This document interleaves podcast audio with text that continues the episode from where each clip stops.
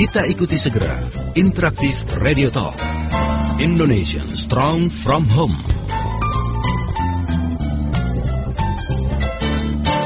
Indonesian Strong from Home bersama Ayah Edi, praktisi multiple intelligence dan holistic learning. Selamat mengikuti.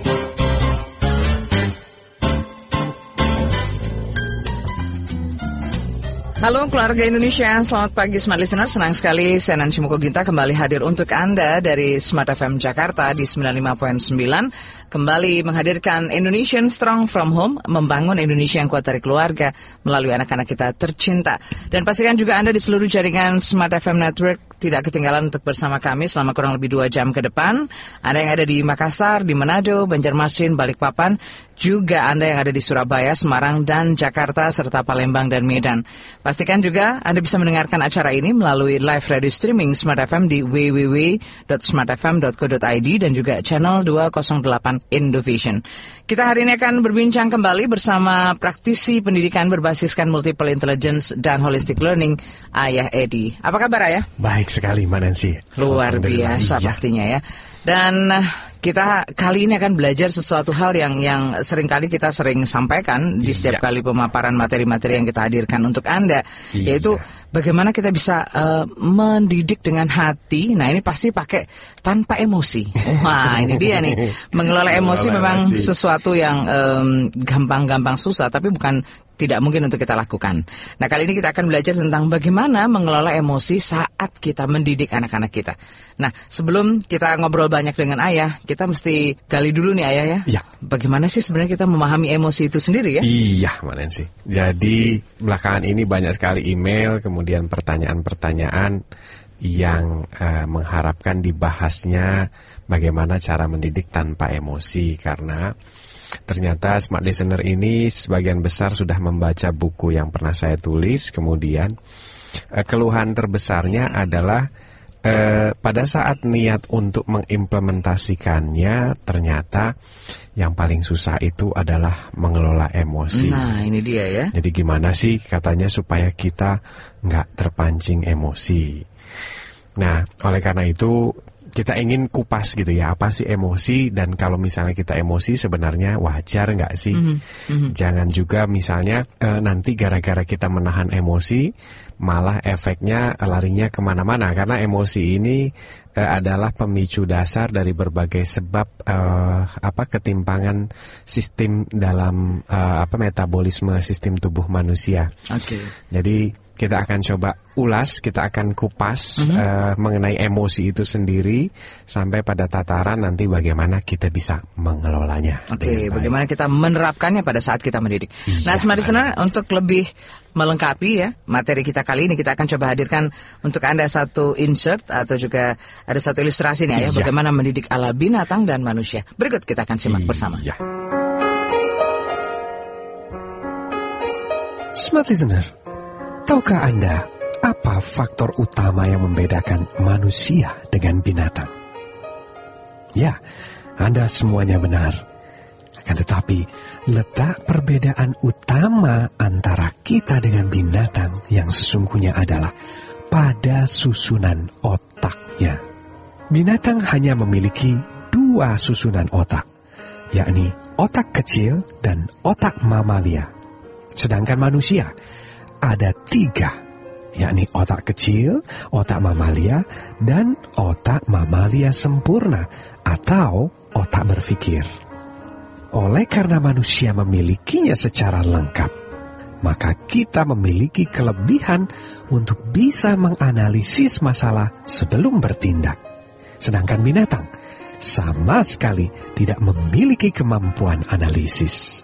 Tindakan binatang pada umumnya lebih didasarkan pada pengalaman sebab akibat yang pernah dialami sebelumnya. Sehingga pada saat kita mengharapkan binatang untuk melakukan sesuatu yang kita inginkan, maka kita harus memberikan pengalaman sebab akibat kepadanya terlebih dahulu. Contoh sederhananya begini. Misalnya, seekor kuda pada saat kuda diharapkan untuk berlari kencang, maka sang pengendara kuda harus memukul-mukulkan tongkat atau pecutnya ke punggung kuda. Begitu seterusnya, jika si kuda mulai berjalan pelan, maka dipecutkannya lagi. Pengalaman itulah yang ditangkap oleh si kuda bahwa jika dipecut, maka dia harus berlari lebih cepat. Sementara manusia, faktor penentunya lebih didasarkan pada analisis berpikir. Oleh karena itu, jika kita menginginkan seorang anak untuk memenuhi keinginan kita, maka kita harus menyampaikan apa yang kita inginkan tersebut sesuai dengan cara berpikir si anak. Jika ternyata tidak berhasil, berarti cara kita dalam menyampaikan belum tepat dengan proses logika berpikir si anak tadi. Dan tentu saja, kita perlu berpikir ulang untuk mencoba cara lain yang jauh lebih tepat.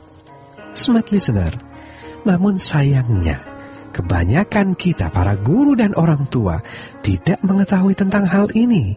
Sehingga manakala ia tidak berhasil meminta seorang anak untuk melakukan sesuatu yang diinginkannya, maka digunakanlah cara-cara yang sebenarnya lebih cocok untuk binatang. Dan jika cara seperti itu dilakukan terus-menerus pada anak kita, maka lama-kelamaan anak kita akan memiliki reaksi yang cenderung seperti binatang pula.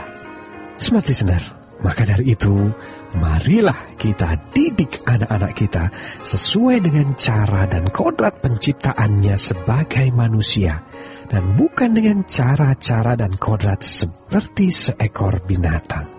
Tentunya jika kita ingin anak kita menjadi manusia seutuhnya. Wahai para guru dan orang tua di mana pun Anda berada, marilah kita renungkan bahwa sesungguhnya di tangan kitalah kualitas generasi masa depan itu ditentukan. Mari kita renungkan, sudah tepatkah selama ini kita mendidik anak-anak kita?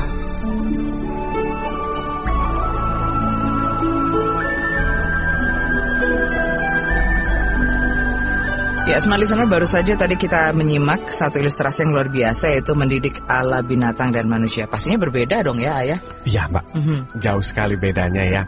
Eh, di mana manusia itu sebenarnya eh, dilengkapi dengan sebuah. Jadi kalau kita lihat ya struktur otaknya tadi digambarkan bahwa kalau manusia itu Mhm. struktur otaknya terdiri dari tiga lapis, Iya. sedangkan kalau hewan itu cuma dua lapis. Aha. Kemudian hewan itu selalu punya kecenderungan biasanya reaksinya itu lebih ke insting atau ke otak reptil, sedangkan manusia itu punya kecenderungan bisa ke insting, bisa ke eh, otak berpikirnya. Iya.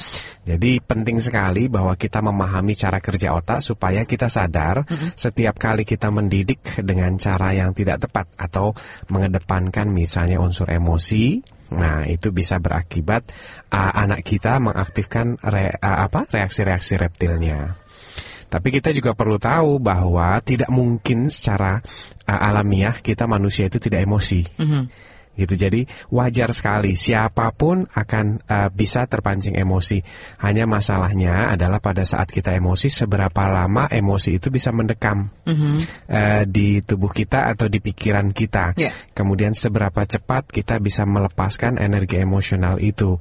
Nah, yang akan kita kupas adalah kemampuan-kemampuan semacam itu, Mbak Nen. Oke, nah nanti kita akan coba gali lebih banyak lagi ya tentang bagaimana apa sih emosi itu sendiri lalu asal atau sumber emosi itu sendiri Iya, dan persis. bagaimana proses terjadinya. Iya, Ini pasti benar. akan menjadi pembahasan yang menarik. Dan Iya. pastikan juga Anda yang ingin eh, berinteraksi boleh melalui 0812 11 12 959. Tetap kami buka. Jangan ke mana-mana, kami akan segera kembali selepas beberapa pesan berikut ini.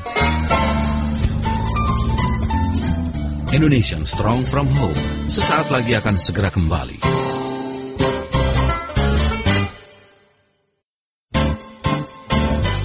Masih Anda ikuti Indonesian Strong from Home bersama Ayah Edi, praktisi multiple intelligence dan holistic learning.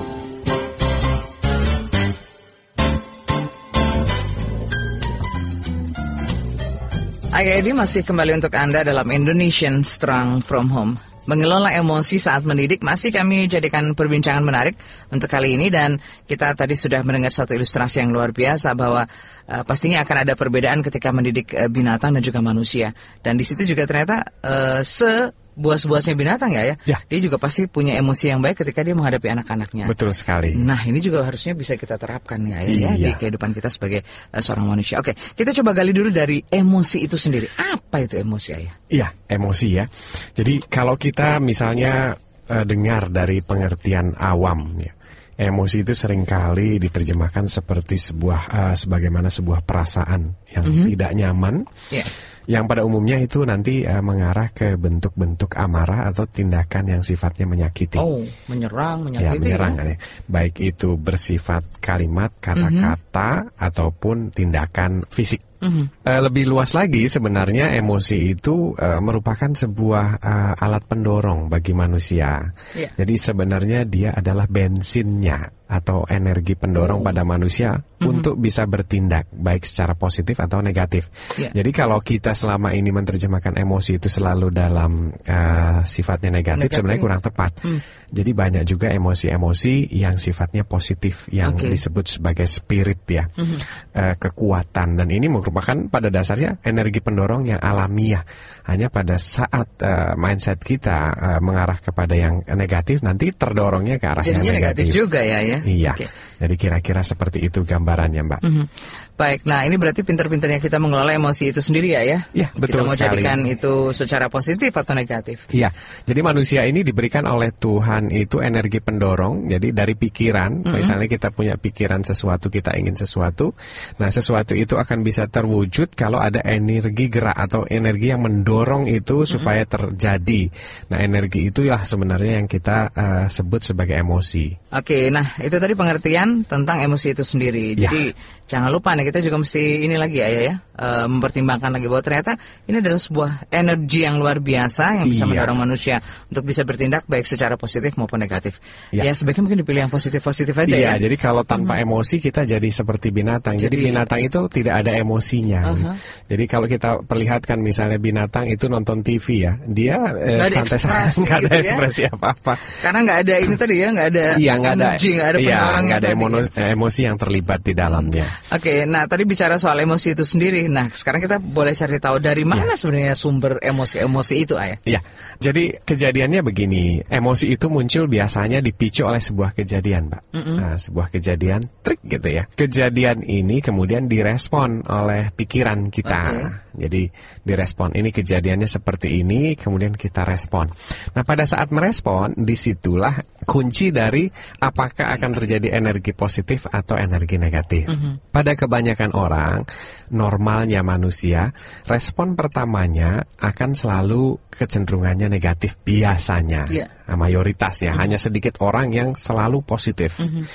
Nah, sebagian dari orang lagi eh, akan merespon pertama negatif, kemudian secara cepat dia akan membalikan menjadi positif. Jadi negatifnya itu cuma sebentar hingga kemudian Mhm. balik positif. Tapi sebagian orang lagi eh, responnya itu ditangkap dalam konteks yang negatif dan berlangsung lama.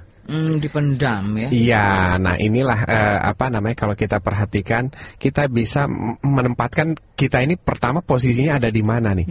Apakah orang yang selalu merespon dalam konteks positif? Mhm. Nah, itu biasanya sangat jarang sekali. Eh, itu orang yang sangat luar biasa kalau setiap kejadian itu dia selalu respon positif. Tapi manusiawi sekali bahwa kita biasanya meresponnya negatif. Iya. Nah, kemudian urutan kedua adalah setelah negatif, kemudian kita segera membalikan ke positif. Tapi ada yang segera membalikan, ada yang tetap berlama-lama di negatif.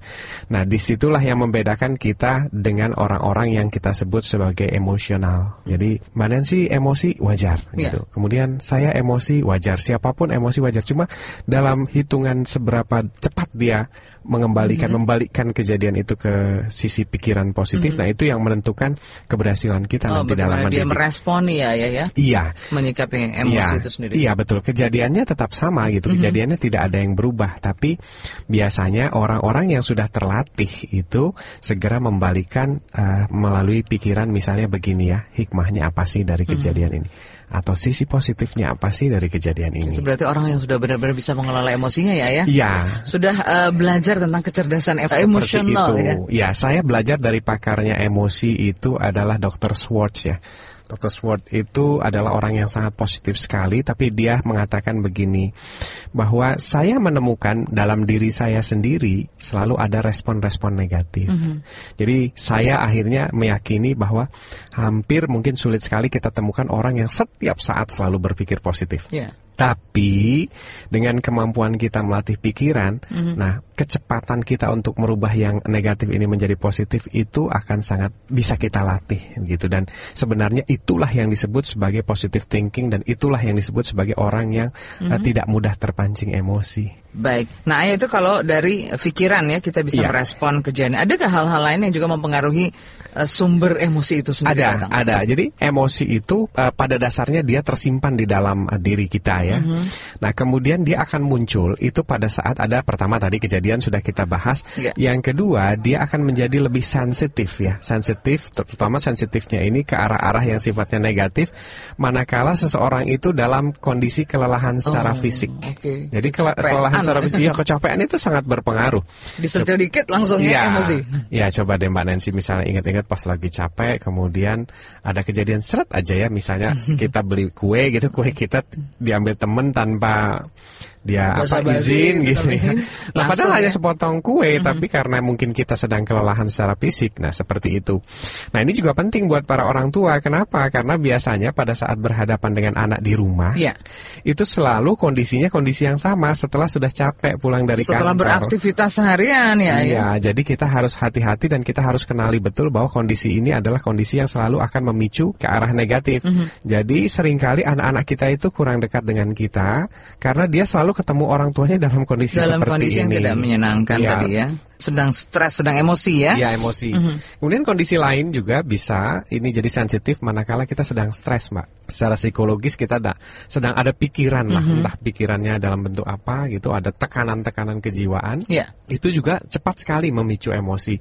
Dan eh, yang ketiga adalah manakala dalam keadaan genting. Mm. Nah ini sering kali misalnya begini ya, kita sedang buru-buru, misalnya ingin naik pesawat gitu, yeah. tapi anak kita sedang main-main sepatu, sepatunya dicopot, mm -hmm. kan padahal pesawatnya sudah mau apa uh, take off mm -hmm. gitu kan. Ini kan genting ya buru-buru. ya, akhirnya itu orang tuanya akan cepat-cepat begini gini nah, nah itu akan emosi emosinya juga. terpancing ya, jadinya ya. Ya itu tiga hal utama yang sering kali membuat emosi negatif itu kerap kali muncul. Hmm, jadi sebaiknya mungkin memang harus ini ya ya. Ketika kalau kita sudah mengetahui sumber-sumber emosi itu datang mungkin kita akan bisa lebih mengelola baik kan iya ya? betul sekali. Contoh yang kita bisa berikan sederhana ya bahwa kenapa pikiran itu menentukan apakah arah emosi kita cenderung positif atau negatif ya jadi misalnya uh, seorang ayah Edi sedang terburu-buru mau rekaman ke Smart FM, mm -hmm. terus terjebak macet. Waduh. Ini pasti ya, secara normal pikiran itu akan merespon dengan emosi yang negatif. Oke. Okay. Dengan emosi yang negatif, tapi di dalam kemacetan itu ternyata banyak emosi-emosi positif yang muncul. Mm. Nah, siapa yang muncul di sana? Ya, pedagang asongan. Mm -hmm. Nah, emosi positifnya muncul, dia akan bersyukur, dia akan senang, dia akan bahagia. Yeah. Kemudian pengemis misalnya ya, dia mm -hmm. akan bersyukur dan bahagia. Nah, perbedaan si ayah Edi dengan si pengemis ini di mana? Di cara berpikir. Di cara berpikir. Di ya? cara berpikir.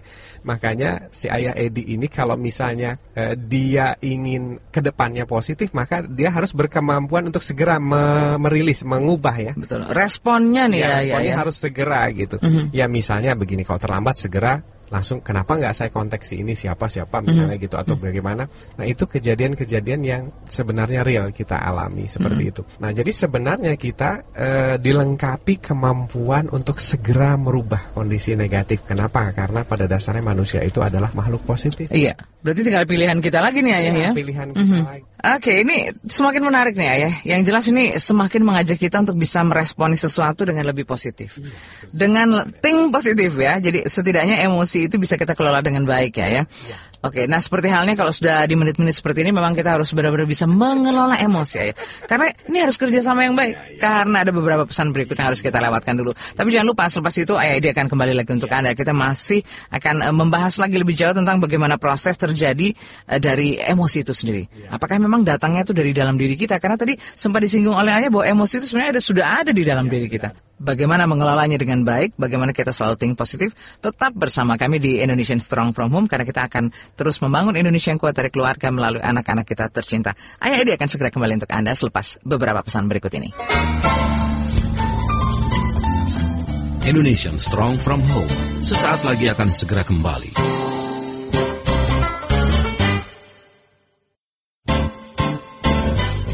Masih Anda ikuti Indonesian Strong from Home bersama Ayah Edi, praktisi multiple intelligence dan holistic learning.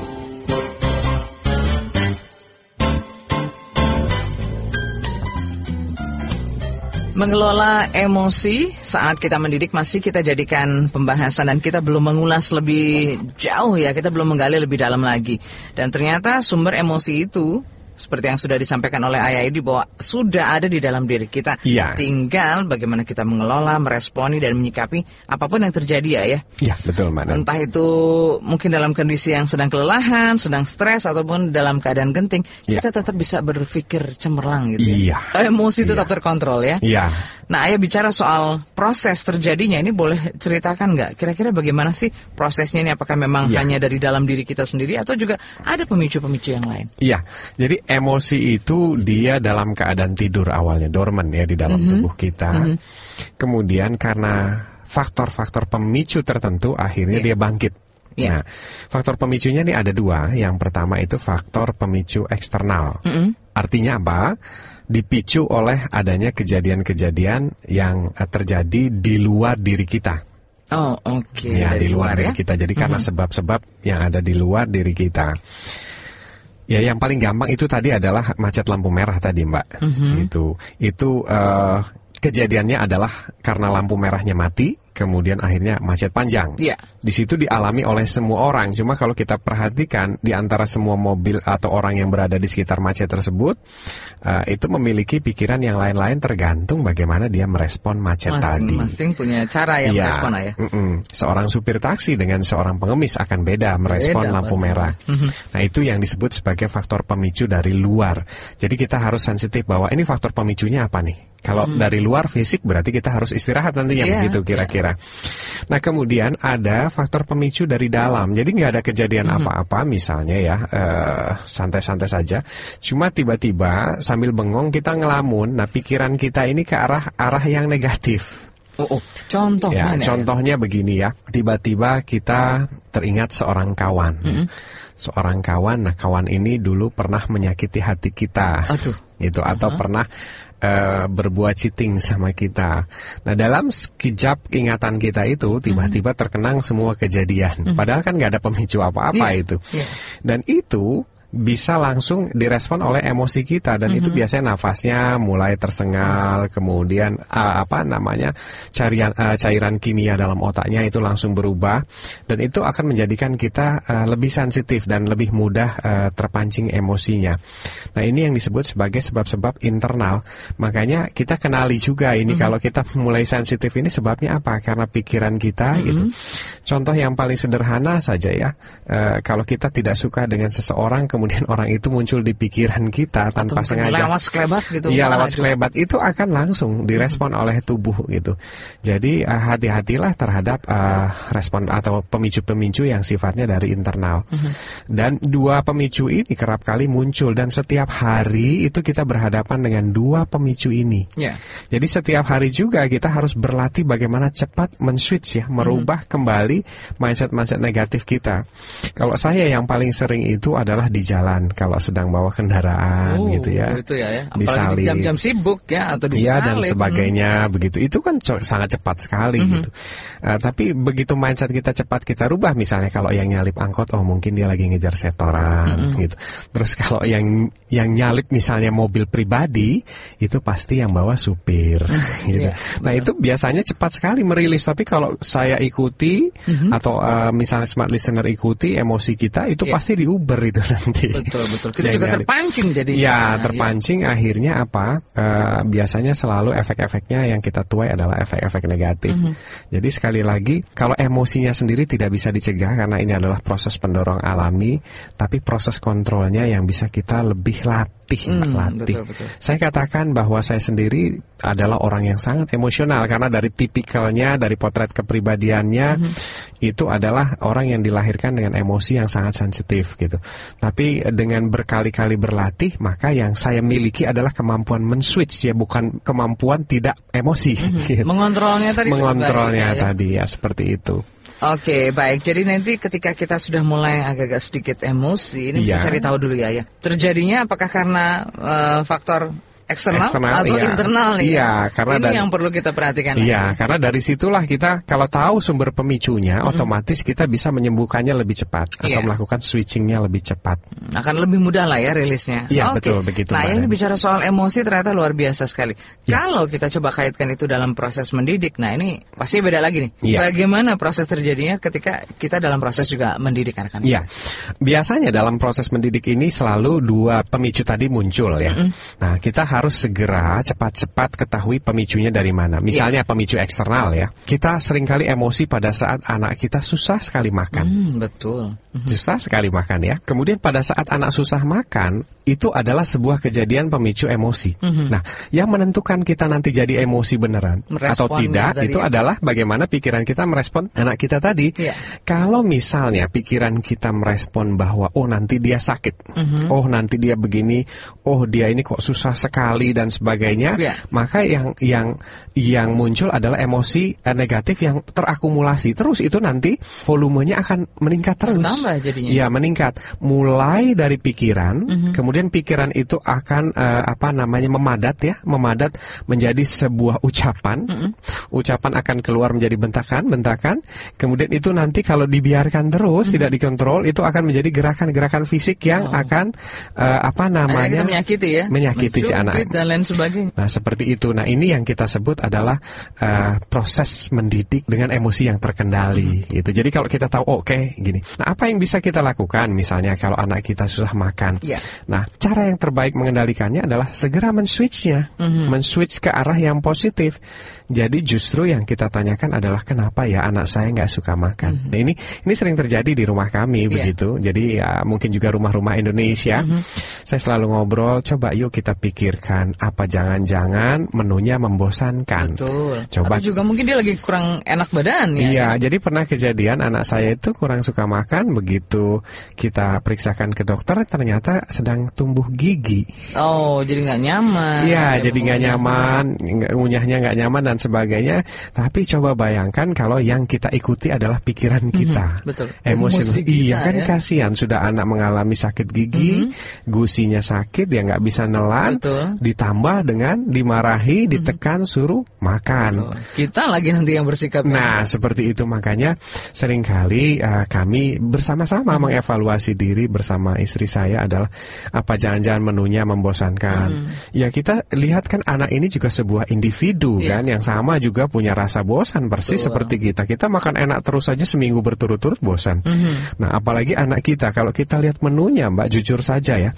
Kita coba deh listing deh selama seminggu itu menunya kalau nggak salah diulang itu lagi, Iya. itu lagi, itu lagi. Jadi bukan mereka sebenarnya pemicunya. Nah, pada saat kita bisa berpikir gitu, coba nanti ibu dan bapak sekalian rasakan mulai turun gitu kadar emosinya, Emosinya, terus terus yang ada nanti yang naik adalah kadar kreativitasnya. Oke, kita bisa mencari eh, melihat dari sisi yang lain ya, Iya, ya, sisi iya, betul. positifnya. Oke. Iya. Nah, itu disebabkan oleh eksternal. Faktor ya, eksternal, iya. Nah, kalau proses terjadinya dalam proses mendidik ini internal ada nggak contoh-contohnya nih, ya? Ya, begini misalnya ya. Misalnya eh, Bapak dan Ibu sekalian yang punya anak kira-kira usia SMP Mhm. atau mungkin SMA kelas 1. Ya. Nah, kemudian pas saat masuk kamar atau berpapasan atau mungkin ada yang masih memeluk anaknya kalau Mhm. pulang atau mungkin mencucikan baju anaknya, itu ternyata mencium bau rokok. Waduh, langsung. Nah, mencium bau rokok. Nah, mencium bau rokok ini kan kejadian dari luar pemicunya ya. Ini ada bau rokok. Nah, tapi apakah kita jadi emosi atau tidak emosi tergantung setelah kejadian tadi. Iya. Kalau respon kita negatif misalnya, ah anak saya nih udah berani ngerokok nih, udah berani ngerokok di depan apa di di belakang mama atau di belakang papa begitu. Pasti saya jamin itu kita punya emotional levelnya mulai naik. Iya. Pelan pelan pelan pelan dan yang sering terjadi adalah dalam kesalahan mendidik kita salah persepsi dulu dengan menaikkan emosi baru bicara sama anak. Hmm, padahal harusnya bicara dulu. Iya, Cari tahu ya. iya. Nah, s- akhirnya apa yang terjadi begitu bertemu sama anak sudah pertempuran yang Yang terjadi. terjadi. Iya, apalagi kalau ternyata eh, anak kita memang benar nggak ngerokok gitu. Ternyata Dia itu nggak hanya ngerokok, mungkin karena dia kumpul sama teman-teman yang kumpul lain sama itu temennya atau dia naik jadi- angkot misalnya Mm-mm. atau dia habis nonton di stadium olahraga atau di stadium tertentu yang mayoritas orang-orangnya merokok. Nah ini maka kan mau nggak mau ya Iya, di sinilah awal-awal misalnya kejadian mendidik itu menjadi tidak menyenangkan buat Hmm. anak kita. Oke, baik. Nah, dengan mengelola emosi yang baik ini pastinya akan eh, proses mendidik itu menjadi lebih menyenangkan. Ya. Si orang tua juga, si anak juga ya, ya. Iya, menerimanya pastinya ya. seperti itu, Karena masing-masing sama-sama bisa melihat dari sisi yang baiknya, sisi Iya. positifnya. Oke, sisi positifnya kita mesti break lagi. Oke. kita akan lewatkan lagi beberapa pesan Iya. berikut. Jadi smart listener jangan ke mana-mana, tetap bersama kami karena kita akan lanjutkan lagi perbincangan ini. Karena ini masih ada kaitan dengan bagaimana kita mendidik ya, ya. Iya, ini betul. karena penting sekali mengelola emosi saat mendidik anak. Betul sekali. Ayah Edi, praktisi pendidikan eh, berbasiskan multiple intelligence dan holistic learning akan segera kembali untuk Anda. Tetap bersama kami di Indonesian Strong From Home. Indonesian Strong from Home sesaat lagi akan segera kembali.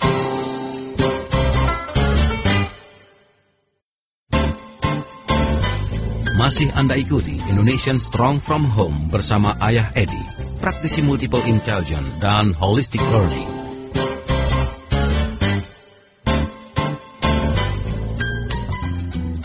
Bicara soal emosi pastinya nggak ada habisnya ya ya. Iya, Ternyata prosesnya juga eh, bisa terjadi dari dalam diri, dari eh, luar diri kita juga dan Iya. ketika kita mendidik ini juga bisa banyak hal yang bisa menyebabkan kita juga bisa menjadi emosi. Iya. Ya, karena kita tadi tidak bisa mengelolanya dengan baik. Ya. Nah, setelah tadi kita belajar tentang bagaimana proses terjadinya dalam proses mendidik, itu juga ada dua penyebab, penyebab Ya. dari eksternal dan juga internal. Sebaiknya memang jangan marah-marah dulu ya ya. Iya. Jangan emosi dulu. Iya. Ngobrol dulu nih. Iya, kenali dulu. Kenali Iya. dulu ya apa yang menjadi permasalahan dari anak-anak kita sehingga kita nanti juga tidak emosi, tidak marah-marah. Oke.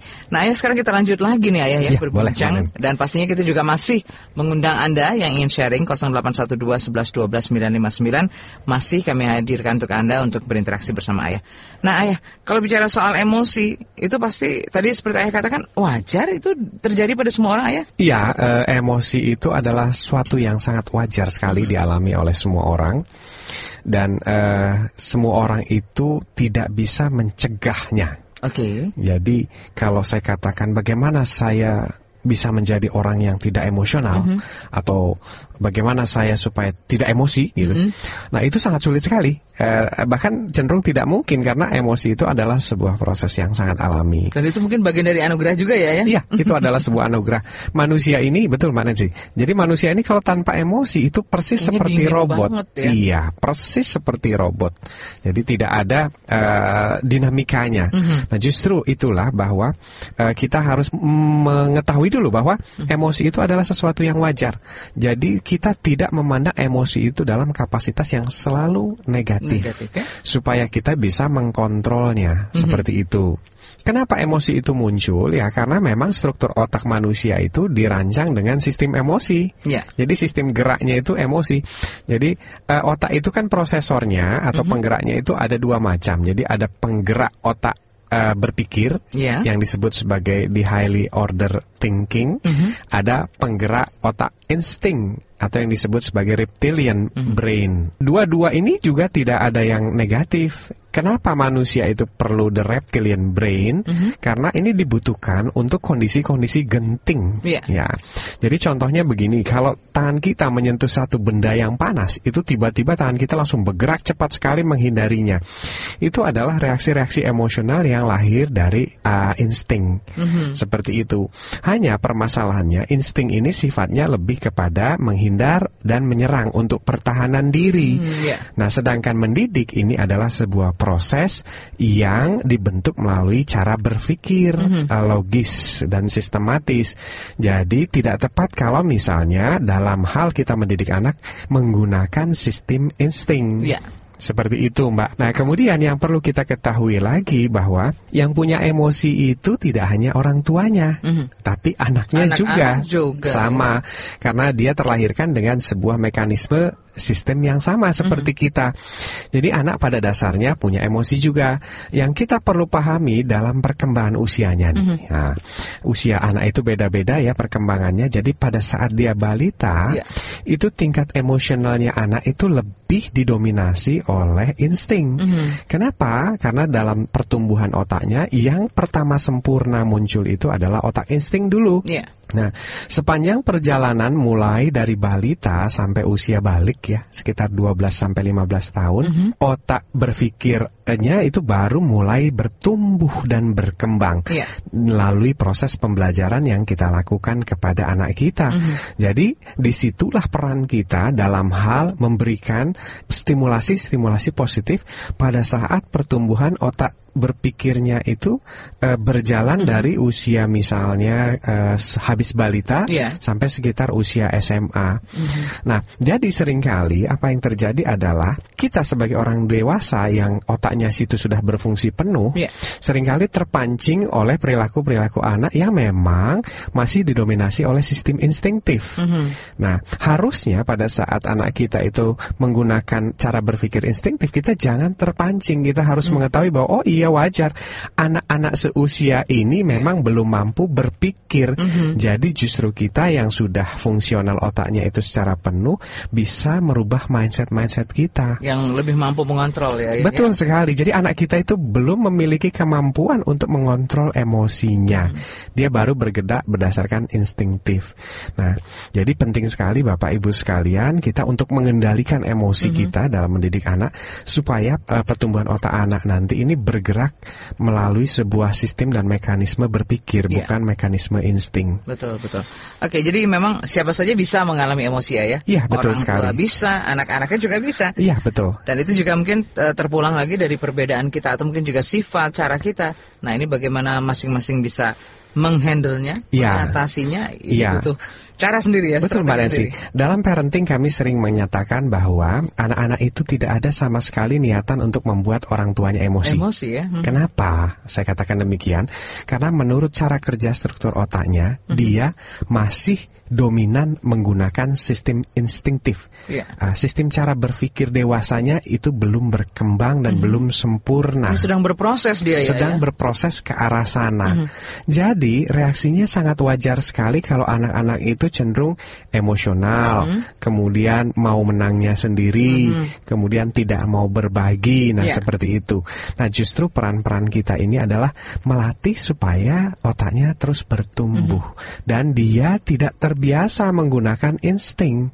Iya. Efeknya dahsyat sekali ya menurut penelitian bahwa orang-orang yang dibesarkan dengan pola-pola pengajaran yang melatih anaknya ke arah insting Mhm. itu besarnya kebanyakan menjadi penjahat-penjahat Oh. Dan oke. penjahat besar begitu, tidak hanya penjahat ringan ya, penjahat kelas Wah, kakap. perlu kita waspada ya menjadi perhatian khusus ini ya. Iya, betul sekali. Jadi tidak ada pernah terjadi bahwa anak-anak yang dikembangkan dengan pola-pola pendidikan yang eh, mengedepankan cara berpikir logis dan dialog Iya. itu melahirkan anak-anak yang menjadi penjahat. Mhm.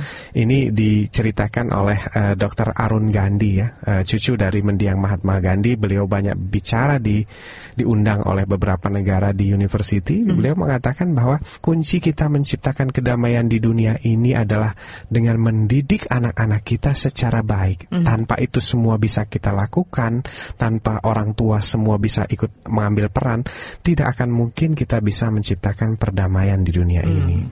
Mendidik dengan hati ya. ya. Iya, begitu kira-kira bahasanya. Ya kalau semuanya emosi ayah, gimana ceritanya ya? Semua orang eh, meresponnya selalu dari sisi yang negatif. Iya, Apa eh, ini yang iya, terjadi adalah. Indonesia sekarang ini. Indonesia sekarang ini kalau kita mau berkaca dengan kejadian yang terjadi, Mhm. apakah itu di DPR-nya, apakah itu di parlemennya, apakah antar partai dan sebagainya. Kalau kita perhatikan, reaksinya sangat emosional dan emosionalnya tidak terkontrol. Iya. Nah, kalau kita perhatikan, kita tidak berusaha untuk menyalahkan siapa pun, Mhm. tapi marilah kita bersama-sama mengevaluasi diri. Ini mungkin disebabkan karena sistem pendidikan kita di rumah Iya. yang tidak mengedepankan hati, Mhm. seperti Mbak Nancy katakan. Plus ditambah lagi, Mhm. kalau kita perhatikan dan kita mau jujur, anak-anak kita setelah bersekolah itu tidak pernah dididik dengan hati. Iya. tidak pernah diajarkan untuk mengelola hati, Mhm. tidak pernah diajarkan untuk memainkan emosi-emosi positif. Iya. Eh, itu tidak pernah sama sekali disentuh. Yang lebih diutamakan itu adalah model pendidikan yang bicara tentang hitung-hitungan matematis, membaca, menulis dan berhitung. Yang di mana jelas-jelas seorang pendidik di Amerika mengatakan bahwa anak kita jauh lebih penting diajarkan tentang character building Iya. daripada proses-proses yang sifatnya logis, hitung, aritmatik dan sebagainya. Kenapa dia bilang itu semua nanti kalau diajarkan nanti pun hasilnya akan sama hebatnya dengan diajarkan sejak kecil. Tapi kalau misalnya anak kita Dari tidak dini sudah dibentuk ya. Iya, tidak dilatih emosinya atau tidak dibentuk karakternya, maka yang terjadi mungkin kita sudah melihat hasilnya saat ini, Mbak Nancy, di negara kita. Wow, luar biasa ya. Iya, dahsyat Dampak sekali. dari bagaimana kita tidak bisa mengelola atau mengontrol emosi ini ya. Iya, kenapa Indonesian Strong uh, from Home ini ada? Karena mungkin bagi kita semua yang merasa pesimis mengharapkan dunia pendidikan kita melakukannya, Mhm. maka masih ada jalan keluar. Tidak perlu kita mengharapkan orang lain, tapi marilah paling tidak. Kita anak mulai dari rumah nih. Iya, anak kita sendiri. anak-anak ya. Iya, usahakan anak kita mendapatkan proses pendidikan yang tepat dari kita, dari Mhm. orang tuanya sendiri. Itu lebih dari cukup manakala mereka tidak mendapatkannya di sekolah. Baik, semoga ini bisa kita pelajari ya, menjadi bahan renungan lagi nih buat kita ya. Iya, saya sangat prihatin mendapati klien-klien saya, kemudian mendapati eh, teman-teman Mhm. yang rata-rata anaknya itu bermasalah eh, dengan kelakuan-kelakuan buruk eh, dan cenderung melakukan hal-hal yang sifatnya kriminal. Iya.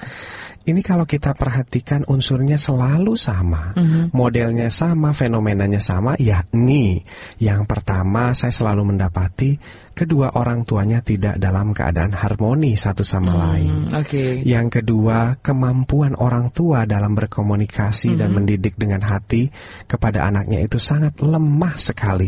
Dan yang ketiga, dia berada di sekolah. Walaupun sekolahnya itu katanya mahal, internasional dan sebagainya, tapi sekolah itu ternyata sama sekali tidak pernah menyentuh masalah karakter building dan hati anak-anak kita. Jadi karena kondisi yang sangat lengkap yang tidak kondusif itulah yang melahirkan anak-anak bermasalah. Dan yang sangat menyedihkan buat saya adalah bahwa kalau mereka sudah berada di posisi usia sekitar SMA sampai kuliah, maka kita akan sangat kesulitan sekali untuk membalikan mereka ke arah yang Untuk benar. merubah mereka ya, karena mereka Iya. memang sudah terbentuk Iya, ya. mereka sudah ada di fase identitas, fase pembentukan. Dia sudah, sudah sedang mencari jati diri ya, sudah iya, punya nilai-nilai iya sendiri. sudah punya nilai sendiri. Jadi kalau dia akui itu sebagai nilai pribadinya, eh, bahkan seandainya itu pun melanggar apa namanya privacy orang lain atau merugikan orang lain, itu dianggap tetap sebuah kebenaran. Itulah kenapa kalau kita perhatikan seorang pencuri itu tidak pernah merasa bersalah. Mhm. Seperti itu, Mbak. Oke, baik. Waduh, halnya luar biasa dan semakin hangat perbincangan kita nih Ayah. Iya. Tapi kita juga akan dengarkan dulu nih Ayah. Oh, sudah Jurnal sampai sembilan, kita ke betul. jurnal ya. Nggak kita akan kerasa satu jam ya. menyimak perkembangan informasi Iya, terkini. boleh, Mbak Pasti Nancy, kita akan silakan. tahu bagaimana uh, kejadian di luar ya di sekitar kita. Tetap bersama kami selepas Jurnal 9 laporan Hard Smart FM kami akan segera kembali untuk Anda. Pastinya di Indonesian Strong From Home bersama Ayah Edi, praktisi pendidikan berbasiskan multiple intelligence dan holistic learning. Tetap bersama kami. Indonesian Strong from Home. Sesaat lagi akan segera kembali.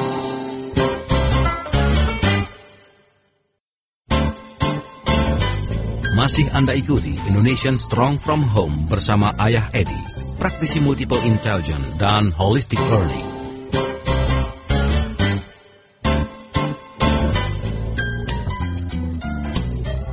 Halo selamat siang dan apa kabar juga untuk Anda yang baru saja bergabung bersama kami di Indonesian Strong From Home membangun Indonesia yang kuat dari keluarga melalui anak-anak kita tercinta. Ayah Edi, praktisi pendidikan berbasiskan multiple intelligence dan holistic learning masih kembali untuk Anda. Nah, kalau tadi belum sempat dengar Ya. kita ya ya selama kurang lebih sejam, Ya. Jangan khawatir, kita masih akan ulas lagi, Review, kita betul. akan bahas lagi ya apa yang sudah kita bahas selama uh, satu jam sebelum kita melanjutkannya lagi.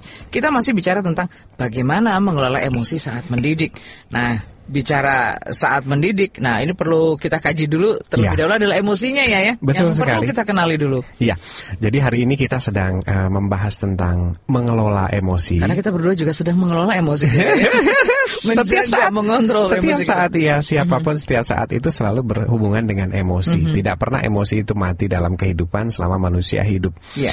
Jadi hari ini kita sedang bicara tentang eh, bagaimana sih kita mengelola emosi kita pada saat mendidik anak. Karena ternyata banyak masukan masukan kepada kami, eh, terutama dari para pembaca buku yang telah kami tulis bahwa ayah sebenarnya yang lebih sulit dari semuanya itu adalah bagaimana supaya saya nggak emosi. gitu. Oke. Pertanyaan sederhananya. Nah jadi hari ini kita bahas emosi dan tadi kita sudah mengulas apa sih emosi. Emosi itu dalam pengertian awam sebenarnya adalah sesuatu perasaan yang nggak nyaman dan mengarah ke dalam bentuk tindakan amarah biasanya atau tindakan menyerang atau menyakiti. Eh, padahal sesungguhnya bahwa emosi itu sebenarnya adalah energi pendorong eh, supaya manusia itu lebih dinamis dan emosi itu selalu tidak selalu negatif gitu. Iya. Jadi banyak juga emosi-emosi yang positif. Positif. ya. Nah, tapi pada dasarnya bahwa kita manusia itu punya kecenderungan selalu mengarah pikiran kita negatif dulu nih, belum jarang yang ke positif dulu. Nah, ini diungkapkan oleh Dr. Schwartz ya, ahli eh, yang pengarang buku eh, Positive Thinking.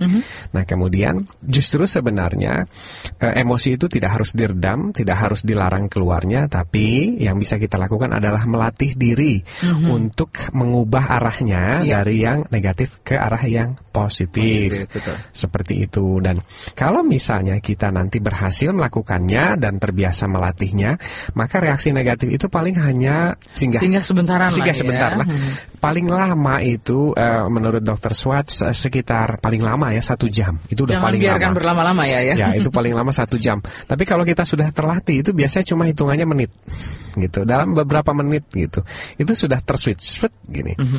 Nah jadi eh, hari ini adalah kita akan membicarakan tentang bagaimana sih melatih men-switch tadi supaya nanti pada saat kita mendidik anak kita terbiasa untuk men-switch ke arah yang positif manakala tanda-tanda emosi ke arah negatif itu mulai muncul. Iya. Supaya apa? Supaya nanti anak kita itu terdidik dalam nuansa atau lingkungan atau pola-pola yang mengembangkan cara berpikir positif juga.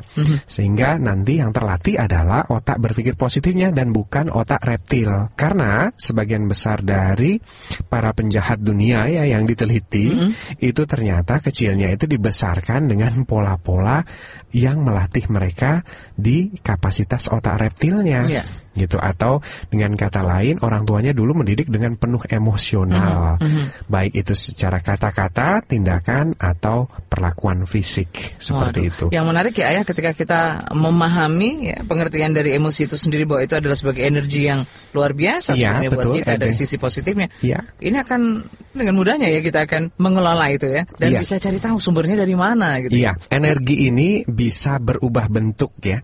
Jadi pada saat dia negatif itu biasanya energinya keluar dalam bentuk hal yang negatif, baik Mhm. dalam bentuk ucapan misalnya ucapan yang menghina, Yang menyakitkan. yang menyakitkan, kemudian ada suara yang membentak keras. Nah, kemudian kalau misalnya dalam bentuk tindakan itu munculnya tindakan yang melukai atau menyakiti. Tapi manakala kita berusaha mengelola dan berhasil mengelola itu dalam uh, membelokkannya dari yang negatif itu menjadi yang positif, maka secara otomatis energi itu berubah menjadi sebuah energi kreatif. Iya. Dan yang muncul nanti adalah pemikiran kreatif, proses kreatif, tindakan kreatif. Dan apa yang dituai adalah bahwa anak-anak kita ini akan nanti kelak akan menjadi jauh lebih kreatif. Oke, baik. Nah, ayah tadi kita juga sudah bahas bagaimana proses terjadinya eh, emosi itu sendiri ya. Ternyata Ya. penyebabnya ada dua hal penting yang perlu kita juga ketahui dari Betul. luar dan juga dari dalam diri Iya. kita ya. Dan itu juga berkaitan ketika kita juga menerapkannya kepada proses pendidikan tadi. Iya. Mendidik anak kita. Betul sekali. Eh, terutama ini harus dikuasai oleh para guru ya. Kalau saya melihat eh, kecenderungan orang tua bertemu dengan anaknya itu tidak terlalu intens. Eh, kemudian biasanya anak dengan orang tua itu paling banyak zaman sekarang itu orang tua punya anak tiga atau Iya. empat ya. Tapi para guru tidak demikian. Mhm. Para guru yang kita survei sampai ke daerah itu ada satu kelas harus berhadapan dengan 40 siswa yang Iya. bermacam-macam dengan model emosional yang berbeda-beda. Mhm. Jadi kalau misalnya sang guru ini tidak menguasai teknik-teknik mengelola emosi, dampaknya akan luar biasa sekali dalam proses pendidikan anak. Walaupun eh, orang tua juga memegang peranan besar. Kenapa? Orang tua itu dominan sekali mempengaruhi anaknya. Oke, nah saat mungkin sekolah dan juga di rumah ini eh, orang tua dan juga guru bisa mengelola emosi dengan baik, maka anak-anak juga akan menikmati ya, ya. Eh, proses mereka iya. belajar pasti. Iya, sejarah telah mencatat bahwa eh, dari penuturan Dr. Arun Gandhi, beliau selalu menceritakan betapa bagaimana dia dulu dibesarkan dalam sebuah lingkungan yang sangat positif oleh orang tuanya, juga kakeknya secara turun temurun. Iya. Apa yang terjadi di keluarga Gandhi, akhirnya mereka rata-rata sebagian besar itu menjadi orang-orang besar dan bangsawan terkenal yang sangat dihormati tidak hanya di negaranya, tapi beliau diundang keliling bicara eh, di seluruh dunia untuk menceritakan bagaimana sih proses pendidikan yang eh, benar terhadap anak-anak. Jadi apa artinya bahwa apabila kita melakukannya secara tepat, maka secara tidak langsung kita sedang mencetak sebuah generasi bangsawan, sebuah nega, eh, eh, sebuah generasi negarawan dan sebuah eh, apa namanya masa depan yang lebih baik buat anak-anak kita dan anak-anak bangsa kita, ya. kita. Oke, nah tadi ayah juga sempat menjelaskan nih smart listener dan keluarga Indonesia bahwa sebenarnya emosi itu wajar ya ayah dialami oleh semua Sangat orang, ya. wajar. sangat, wajar. Karena Tidak memang mungkin orang tidak punya punya emosi. ya. jadi dingin, gitu Iya. ya, jadi cool gitu Iya. yang cool ya. Ya, orang yang cool sendiri itu sebenarnya dia sedang emosi, Hmm. cuma karena dia punya tipe-tipe tertentu. Jadi boleh kita nanti bahas ya tipe-tipe. Iya. Nah, tiap tipe ini melahirkan em, apa namanya tampilan-tampilan emosi yang berbeda-beda Berbeda-beda. seperti itu. Jadi kalau misalnya orang yang seperti saya, Mhm. ini adalah orang yang tipe koleris, tampilan emosinya tuh cepat sekali. Jadi seperti Oh. Coca-Cola. Jadi blep gitu. Nah, tapi biasanya kalau dia punya kemampuan untuk mengendalikannya cepat, turunnya cepat sekali. Mhm. Kembali netral lagi, kembali asik lagi. Iya. Makanya jangan kaget kalau melihat seseorang yang kadang cepat marah tapi cepat baik lagi. Mhm. Tapi ada tipe lain, misalnya dia cenderung pendiam, nggak kelihatan emosinya, tapi justru terpendam lama. Itu biasanya tipe melankolis ya, tipe sensitif. Nah, ada lagi misalnya eh, tipenya yang verbal atau sanguin. Dia kalau emosi itu biasanya bicara Oh, gitu bicara diungkapkan secara langsung Mhm. Nah, meletup-letup. gitu ya. meletup-letup tapi ada juga yang diem saja nggak kelihatan emosinya nah ciri-ciri orang ini biasanya menghindar begitu Hmm. jadi kalau dia sedang emosi biasanya menghindar mengunci mendingan pergi diri ke mana, pergi ya. ke mana ya, seperti itu Menyendiri. jadi pada umumnya atau hampir semua orang bukan hampir semua orang semua orang itu Iya. punya emosi hanya tampilannya beda-beda Nah, seberapa wajar itu tergantung respon kita lagi ya. Iya betul. Makanya kemampuan mengelola emosi ini menentukan Mhm. ya, nasib kita, nasib anak kita. Mhm. Juga sebenarnya saya belajar dalam ilmu meditasi itu, emosi itu punya energi yang sifatnya merusak. Oh, oke. Nah, merusaknya itu tidak hanya keluar tapi juga ke dalam Mhm. tubuh. Dan benar-benar itu merusak dalam tataran eh, energi namanya tubuh ini kan terdiri dari energi, kemudian energi mempengaruhi sel-sel. Iya. dan itu akan merusak. Makanya saya sendiri dalam menjaga kesehatan ini termasuk salah satunya adalah melatih diri dari Mhm. eh, emosi itu Mengelola karena emosi itu iya sendiri ya, karena ya? menurut seorang ahli meditasi saya ini termasuk orang yang emosinya sangat tinggi Hmm. dan ini kalau eh, pengendaliannya tidak optimal ini akan menyerang ke dalam katanya Hmm. begitu. Kalau ke dalam bisa jadi sakit ya ya ya. Iya. Wah, udah deh. Ya karena pengendaliannya misalnya tidak kuat, otomatis dia menyerang ke dalam, ya seperti itu. Mhm. Nah orang yang emosinya sangat kuat, ini bawaan lahir ya, Iya. bawaan lahir emosi sangat kuat. Kemudian dia berusaha meredam, meredam, meredam, biasanya yang kemakan adalah tubuhnya, Betul. seperti itu. Oke, jadi eh, boleh saja Anda emosional, tapi Iya. seberapa wajar? Nah, itu lagi ya, ya, ya. Iya, yang iya. menentukan ya bagaimana kita bisa bereaksi terhadap orang, berespon juga ya terhadap sekeliling kita. Jangan ke mana-mana karena kita harus break lagi. nih. Iya. Ya, aduh, benar-benar kita harus menata emosi dulu sambil kita lewatkan beberapa pesan berikut. Iya. Tetap bersama kami di Indonesian Strong from Home. Indonesian Strong from Home sesaat lagi akan segera kembali.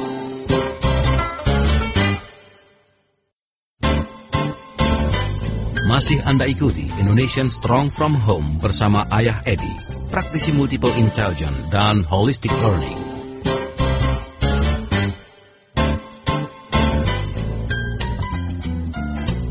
Ya, selepas beberapa pesan kita masih hadir lagi untuk Anda dan pastikan juga Anda tetap berbincang bersama kita ya ya. Tetap berinteraksi bersama kita di Indonesian Strong from Home dan jangan lupa jangan ketinggalan setiap akhir pekan, setiap Ya. Sabtu kita akan hadir untuk Anda selama kurang lebih eh, dua jam ke depan. Dan untuk Anda yang mungkin belum sempat mendengarkan saat ini ya ya, Ya, kabar baiknya nih. Hari Minggu kita akan ulang. Siar ulang. Siar ulang Ada ya. siarkan ulangnya di jam 7 sampai jam 9 malam. Betul. Jadi pastikan Anda tidak ketinggalan untuk bisa mendapatkan topik-topik Iya. menarik yang kita bahas di sini Terutama ya. para guru yang harus mengajar hari Sabtu ya. Betul, Sabtu mesti memberikan juga ya untuk anak-anak didik. Ya. Tapi jangan khawatir, buat minggu malam kita jadikan eh, waktu yang eh, di mana Anda bisa mendengarkan kembali apa yang sudah kita perbincangkan untuk Anda. Kita lanjut lagi nih Ayah ya. Iya, boleh Mbak Nancy Di poin berikutnya saya juga masih ingin eh, menggali lebih jauh nih, bagaimana kita bisa mengendalikan emosi saat kita mendidik. Padahal ini kan tadi dikatakan wajar ya ya kalau Iya. emosi, apalagi dengan tipikal anak yang beda-beda sifat mereka Iya. beda-beda. Iya. Mhm. Jadi pertama ya, eh, ini saya menceritakan apa yang saya pelajari karena smart listener sekarang ini sedang mendengarkan seorang yang sangat emosional sekali. Oke, nggak kelihatan ya.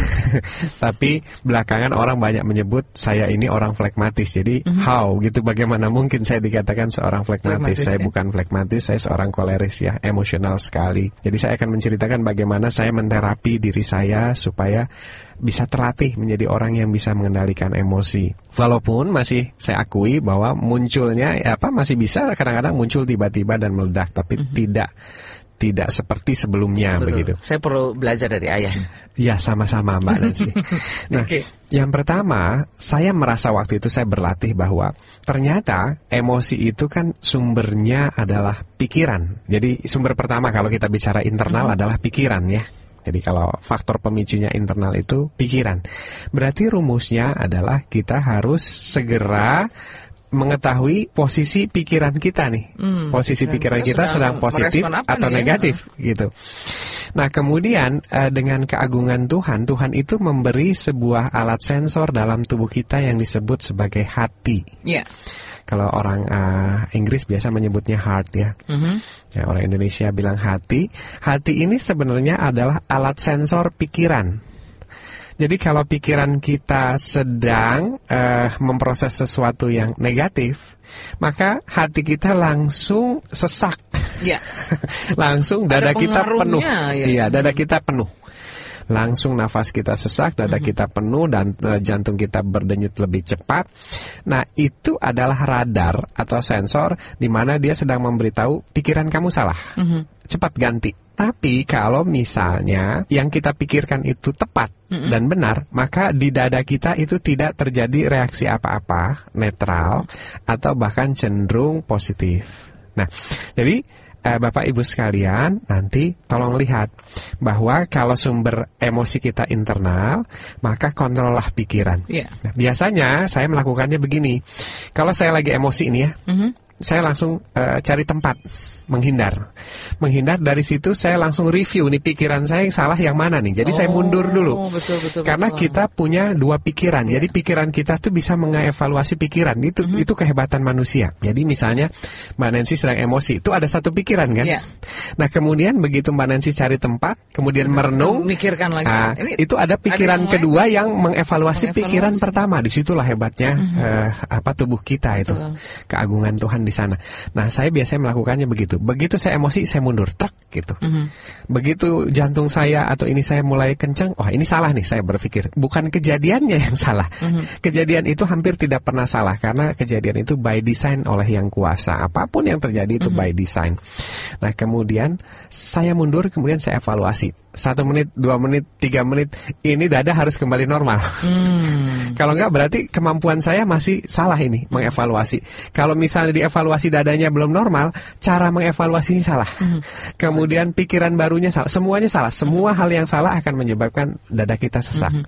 Nah, jadi rumusnya itu, rumusnya dada kita. Mhm. Nah, eh, contoh eh, konkretnya misalnya ya, pada anak-anak misalnya ya. Kalau misalnya eh, anak kita sedang eh, melompat-lompat Mhm. atau nggak mau diem Iya. dan sebagainya. Eh, pas kita sedang eh, misalnya sensitif gitu ya, Mhm. maka kita langsung cepat-cepat mundur. Trak kenapa nih anak saya begini? Seperti itu. Iya. Kemarin kejadian di anak saya di rumah ya. Oh, oh, oke. Anak saya itu mengajak main saya naik ke kepala ini dan sebagainya. Pokoknya nggak bisa diem lah, seolah-olah mencari perhatian. Eh, saya dalam keadaan capek itu jadi sensitif. Nah tiba-tiba saya bilang turun turun turun. Ntar dulu ntar dulu terus ayah keluar eh, mengurung diri. Ada apa nih? Gitu mikir. Ternyata saya dapat jawabannya. Pikiran positif yang muncul yang membuat dada saya akhirnya Lebih lega. lebih lega. Satu, adiknya sakit. Oh, jadi nggak ada teman main. nggak ada teman main. Jadi seharian nggak ada teman main, energinya nggak Begitu keluar. ayah. Begitu ayah pulang langsung Oh. wah, ayahnya dinaikin, diapain, di ah pokoknya segala macam sampai bundanya teriak, "Jangan, ayah lagi capek, sakit, nah gini-gini." Nggak mempan. Dan pada saat nggak mempan, otomatis kan emosi kita naik. Kemudian saya juga mulai naik. Tapi habis gitu udah turun dulu, turun dulu, turun. Ayah mau keluar dulu. Nah, langsung saya di situ mereview. Di mana nih salahnya? Saya cari tahu. Iya. Pas ketemu sudah dadanya plong. Mhm. Nah begitu masuk udah dengan sebuah energi kreatif. Udah think positif nih ya. Udah energi kreatif. Jadi gini, eh, ayah mau tidur dulu ya satu jam. Habis ini main lagi nanti sama ayah. Kalau udah ayah tidur satu jam. Atau nanti apa lagi? eh, kreatif kita akan muncul lagi. Pokoknya saya tahu eh, Mas Dido kan pengen main kan. Dari seharian nggak ada teman main begitu yang bisa bisa dimain eh, diajak main sampai lompat dan sebagainya kan cuma ayah begitu. Ya udah akhirnya eh, semuanya rilis. Semuanya hilang, konfliknya mulai tersolusikan. Nah itu contoh-contoh konkret. Banyak lain, banyak lagi mungkin contoh-contohnya dengan anak-anak kita di rumah dalam berbagai kejadian yang Betul. berbeda. Tapi ingatlah selalu begitu ada kejadian truk, kita langsung mundur. Kita evaluasilah pikiran lah ya, kita. ya, ya. Iya. Ambil waktu sejenak ya Iya, untuk bisa. coba deh Mbak Nancy ingat-ingat pernah nggak mengalami kejadian Mhm. di mana Mbak Nancy mundur sejenak, kemudian Mbak Nancy berhasil mengevaluasi eh, pikiran yang Iya. pertama tadi. Pernah nggak ngalamin Mbak? saya sa- belakangan ini mencoba seperti itu aja. Jadi Ya. ketika ada sesuatu hal yang tidak menyenangkan itu nggak harus, harus disikapi dengan eh, apa ya reaktif gitu ya. Ya, Saya coba rilis dulu sejenak, ambil waktu ya, takes time dulu. ya. Ini ada apa nih ya? Kenapa Iya. ya gitu? Iya, jadi pikiran kita, kan tuh punya kemampuan. lah gitu. Betul. Dan kita juga bisa lebih berpikir ya lebih eh, apa ya untuk mencari solusinya akan lebih mudah gitu loh. Iya, ya. Nah itu adalah cara pertama dalam kita mengatasi eh, apa namanya emosi yang muncul secara eh, datang dari internal. Ya. Seperti itu. Tentunya pada saat kita merubah mindset ini, eh, Bapak dan Ibu sekalian atau smart listener perlu selalu belajar. Iya. Belajar tentang fitrah anak. Jadi fitrah anak itu artinya anak ini secara alamiah diciptakan oleh Tuhan seperti apa sih? Seperti tadi ya misalnya. Anak saya memaksa malam-malam main, saya baru pulang misalnya jam 9 malam begitu. Padahal jam 9 malam kan udah dekat waktu tidur. Iya. Nah, tapi karena saya kebetulan mempelajari bukan kebetulan ya, disengaja mempelajari tentang fitrah anak itu seperti apa dan saya tahu fitrah anak itu bermain. Jadi begitu saya mengetahui itu, oh ya ini fitrah dia. Saya tidak bisa mencegah fitrah ini karena Betul. fitrah ini datangnya dari Tuhan. Mhm. Nah, yang bisa kita lakukan adalah siasat atau strategi positif apa gitu. Kontrol kita ya ya. Iya. Itu yang bisa kita kelola ya. Ya, ya makanya apa yang kita lakukan di sini, nah ini kalau misalnya smart listener selalu simak nih ya, Mhm. eh, para orang tua di rumah dan guru selalu simak siaran kita tanpa lewat sekalipun, Mhm. Perhatikan baik-baik bahwa apa yang kita lakukan di sini adalah sebuah pembelajaran mindset. Iya. Bagaimana supaya pikiran kita itu Mhm. selalu bisa melihat anak kita itu dalam bentuk fitrah yang positif. Jadi tidak ada anak bodoh, itu kan fitrah itu. Mhm. Kemudian tidak ada anak nakal, itu Iya. fitrah. Tidak ada anak yang melawan orang tua, melainkan dia hanya meniru atau Mhm. merespon apa yang dilakukan orang tuanya. Itu fitrah lagi. Jadi ini sebenarnya siaran-siaran kita ini memang sebuah latihan, latihan-latihan untuk positive thinking Iya. supaya pada saat kita emosi ini semua mindset-mindset ini bisa kita gunakan. Coba Bapak Ibu sekalian, ini sudah banyak sekali testimoni yang eh, sampai kepada saya Mhm. bahwa banyak sekali orang tua yang menyampaikan bahwa setelah mendengarkan siaran ini secara rutin itu beda sekali dalam melihat anaknya Mencoba selalu melihat dari sisi yang berbeda Iya. ya, dari sisi yang positif dan ya. treatment terhadap anak kita pun Iya, jauh berbeda berbeda. yang dan yang pasti adalah anaknya akan tumbuh secara berbeda. Mhm, mhm. Itu yang paling penting ya. Iya, Mbak Nen. Nah, itu tadi ketika kita belajar untuk mengendalikan emosi dari sumber internal ya, ya. Iya, Penyebab betul. dari sumber internal. Iya. ya. Kita akan coba cari tahu lagi nih. Pasti ada sumber-sumber yang lain yang bisa eh, menyebabkan kita juga bisa mengendalikan, mengontrol betul, itu dengan betul baik. sekali Mbak Nancy. Tapi jangan ke mana-mana karena Iya. kita mesti break dulu nih ayah. Iya. Mesti melewatkan dulu beberapa pesan break. Iya. ya. Jadi kita takes time dulu nih ya. Ah, mundur dulu ya, mundur dulu. Sambil merenung ya, iya. Sambil merenung. Indonesian Strong From Home akan segera kembali untuk Anda selepas beberapa pesan berikut. Indonesian Strong from Home. Sesaat lagi akan segera kembali.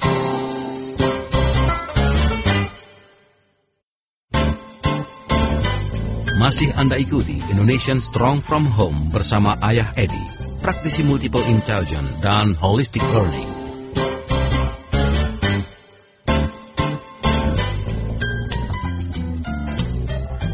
Terima kasih Smart Listener kebersamaan Anda untuk tentu saja membangun Indonesia yang kuat dari keluarga bersama kita di sini di Smart FM Jakarta yang pastinya juga bisa Anda dengarkan siaran ini melalui Smart FM Makassar, Manado, juga Banjarmasin, Balikpapan, Surabaya, Semarang, Palembang, dan Medan. Dan jangan lupa juga Anda bisa mendengarkan acara ini melalui live radio streaming kami di www.smartfm.co.id atau juga melalui Indovision di channel 208. Nah, ya ini banyak cara ya untuk bisa kita ya. mengendalikan emosi ini. Ya. Sumber internal tadi mengatakan bahwa uh, emosi itu uh, pikiran kita itu sensornya adalah hati. Ya. Nah, setelah kita coba mengelolanya dengan baik ya. ya menyamakan antara pikiran kita dan hati kita, rasanya untuk cara meredam emosi itu akan lebih mudah. Ya. Itu dari internalnya. Kalau dari ya. eksternal sendiri seperti apa ya mengendalikannya? Ya, begini Mbak Nancy. Uh, begitu kita mengenali sumbernya adalah eksternal. Uh -huh. Apa mhm. sih sumber eksternal itu? Yang pertama adalah kelelahan fisik. Ya. Ya. Uh, wajar sekali bahwa hampir semua smart listener adalah orang-orang yang sangat sibuk beraktivitas Nah tentunya biasanya di akhir-akhir aktivitas itu sangat lelah sekali pada saat pulang ke rumah dan ini adalah saat pertemuan kita dengan anak. Ya. Anak sudah menunggu kita selama sekian jam ingin mendapat bertemu dengan orang tuanya, tapi orang tuanya ternyata dalam keadaan yang lelah, mm -hmm. capek. Nah ini adalah konflik umum uh, hampir yeah. dialami semua orang tua. Nah, pada saat kita tahu bahwa ini akan menjadi pemicu munculnya kejadian-kejadian yang tidak positif, maka emosi, ya, emosi, ya. maka uh, segeralah kita kenali bahwa kalau fisik itu ya tidak lain dan tidak bukan harus istirahat. Mau nggak mau seperti yang ayah sudah lakukan tadi. Ya, ya memerlukan istirahat. Mm -hmm. Jadi kalau misalnya siapa pun ya entah itu presiden, entah itu ayah Edi, begitu kalau yang namanya fisiknya sedang capek ya sensitif. Betul. Gitu. Makanya biasanya kami ya kalau boleh sharing nih eh, apa yang diterapkan di keluarga kami adalah kami kan punya uh, istri, kemudian saya sama uh, Eh, pengasuh ya. Mm-hmm. Tiga, ini adalah tiga komponen. Dan saya selalu uh, menganggap bahwa kita punya kemampuan yang sama harus punya mindset yang sama dalam mm -hmm. mendidik anak, yeah. Iya. uh, termasuk pengasuh saya. Kemudian tugas kita adalah sama ya, nih kita akan memberikan kondisi ter baik kita untuk mm -hmm. anak kita. Mm -hmm. Nah, pada saat kondisi kita tidak sedang baik, otomatis emosi sensitif. Jadi, uh, pengasuh saya bisa sensitif, istri saya bisa sensitif, yeah. dan iya. saya bisa sensitif. Makanya kita bertiga ini berkompromi. Pada saat salah satunya lebih sensitif dari yang lain, maka salah satunya yang kurang sensitif akan menggantikan posisi yang langsung lain. Menghandle langsung ya, menghandling, mm -hmm. men-switch begitu. Mm -hmm. Jadi, ini kami lakukan, kami latih supaya terjadi secara otomatis begitu. Jadi pada saat saat ayah sedang lelah, sedang capek sekali, maka bunda akan maju. Mm-hmm. Tapi kalau bunda misalnya juga sedang lelah, maka teteh akan maju. Mm-hmm. Begitu akan switch bergantian dan ini kalau kita latih, ini kejadiannya sangat manis sekali sehingga apa? Anak-anak kita itu akan selalu mendapatkan yang terbaik selalu mendapatkan kita juga dalam kondisi yang nah, menyenangkan ya. Yang ya, ingin saya positif. sampaikan pesan moralnya adalah bahwa kalau kita punya pengasuh mm -hmm. ataupun pembantu di rumah, mari kita perlakukan pembantu kita itu layaknya seperti kakaknya anak kita. Mm -hmm. Ini yang saya sudah terapkan. Kenapa? Karena begitu kita perlakukan pengasuh kita, pembantu kita persis seperti kakaknya anak kita, yeah.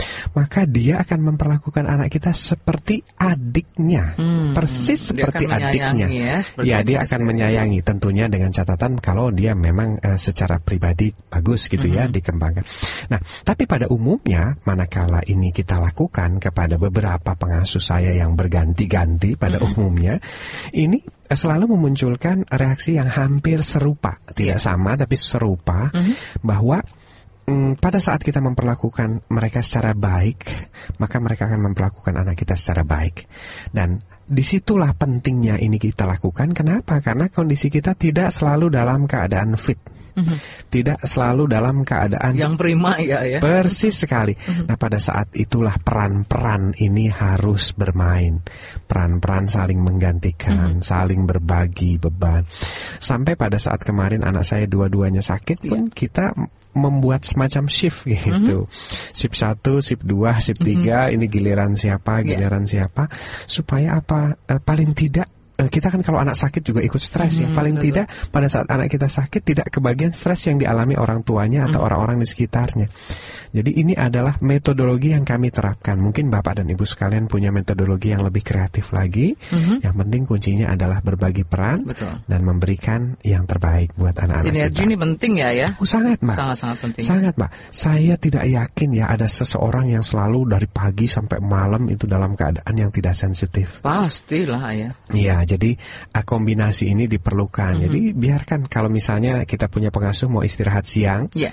nggak apa-apa biarkan tidur karena nanti begitu malam itu giliran dia, Iya, nanti pas malam lagi baru giliran ayah begitu. mhm. Jadi itu akan berlangsung sangat bagus sekali proses sinkronisasinya, keseimbangan itu. Kerjasama yang luar biasa. Iya, eh, mendidik anak itu tim dan satu rumah itu adalah pimpinan timnya. Iya. Gitu. Jadi anak kita adalah hasil kerja dari tim yang ada di rumah itu. Anggota keluarga di rumah itu punya peran ya, ya, Iya. yang luar biasa. Iya, tidak ada yang eh, lebih dominan dari satu yang lain, tapi eh, mereka semua adalah contoh buat anak-anak kita. Oke, dua sumber sudah kita coba pelajari. Tapi bisa nggak ayah ini ada hal-hal yang lain, misalnya dalam keadaan genting kita juga bagaimana nih cara kita menghandle atau mengendalikan emosi kita? Iya, dalam keadaan genting cenderung seseorang itu biasanya akan eh, terpancing emosinya. Dan kalau dalam keadaan genting, tentu saja yang namanya genting itu adalah berkaitan dengan hal-hal yang berhubungan dengan eh, nyawa keselamatan anak. Jadi sebenarnya yang kita perlu kembangkan adalah dalam keadaan genting itu bukan emosi. Mhm. Nah, kenapa? Yang penting itu adalah proses action penyelamatan segera Tindakan apa yang harus tindakan kita apa yang harus kita ya? ambil. Jadi kalau kita perhatikan eh, ini terjadi pada saat orang-orang medis, ya, Mhm. orang-orang medis, dokter dan paramedik itu dilatih. Iya. Jadi pada saat dalam keadaan genting kalau kita perhatikan beliau-beliau yang eh, terlatih Mhm. ini eh, tidak terpancing emosinya. Jadi eh, dalam keadaan apa pun ya, termasuk eh, fire department atau apa namanya petugas pemadam kebakaran Iya. itu ya, dalam keadaan segenting apa pun mereka mengerjakan sangat prosedural sekali.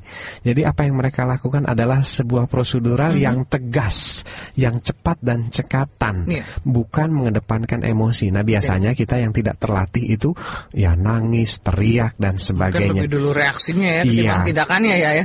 Ya, jadi kalau kita melihat contoh-contoh itu pada saat dalam keadaan genting, misalnya Mhm. ya anak kita yang kecil ini nyebrang jalan Mhm.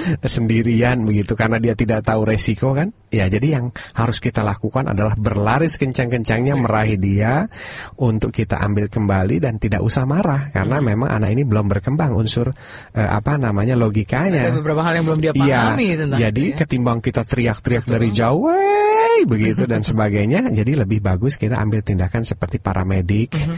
yang justru efeknya adalah jauh lebih menyelamatkan. Banyak paramedik itu yang berhasil menyelamatkan nyawa manusia dalam keadaan yang sangat genting karena kemampuannya yang luar biasa mengelola emosi ini tadi, Mbak. Ketika kita bisa mengelola emosi, take actionnya juga enak ya ya. Iya. Akan lebih cepat, lebih tanggap lah ya. Iya, betul.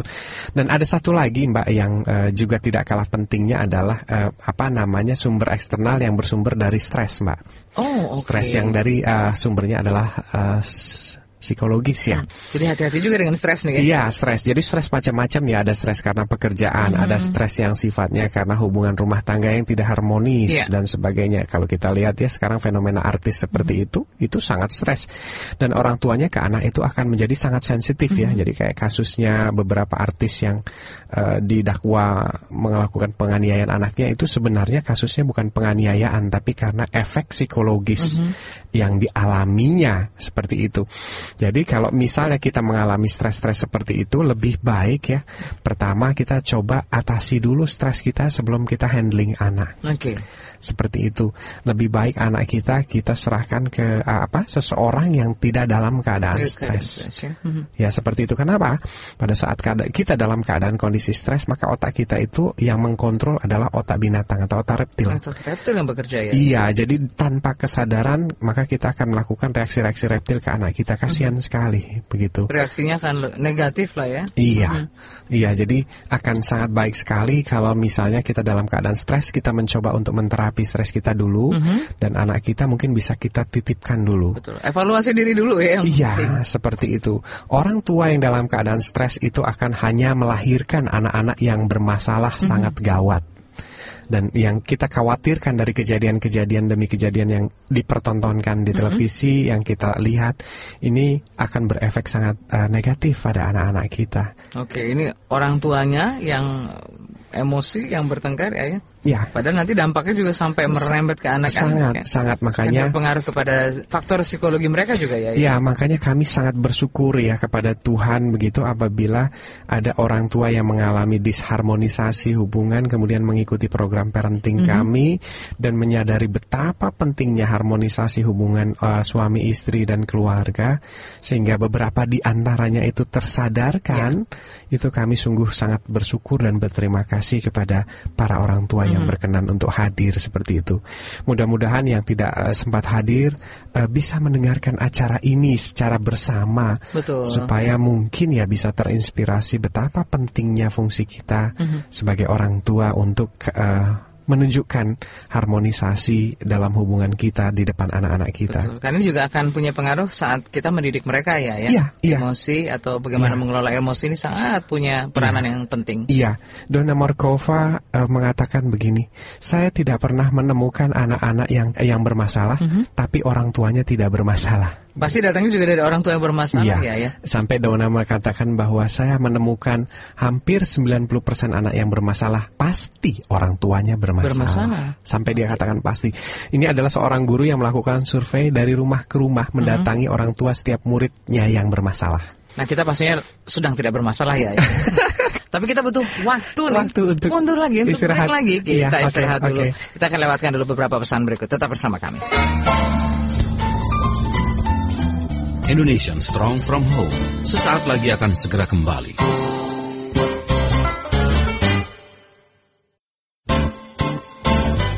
Masih Anda ikuti Indonesian Strong from Home bersama Ayah Edi, praktisi multiple intelligence dan holistic learning.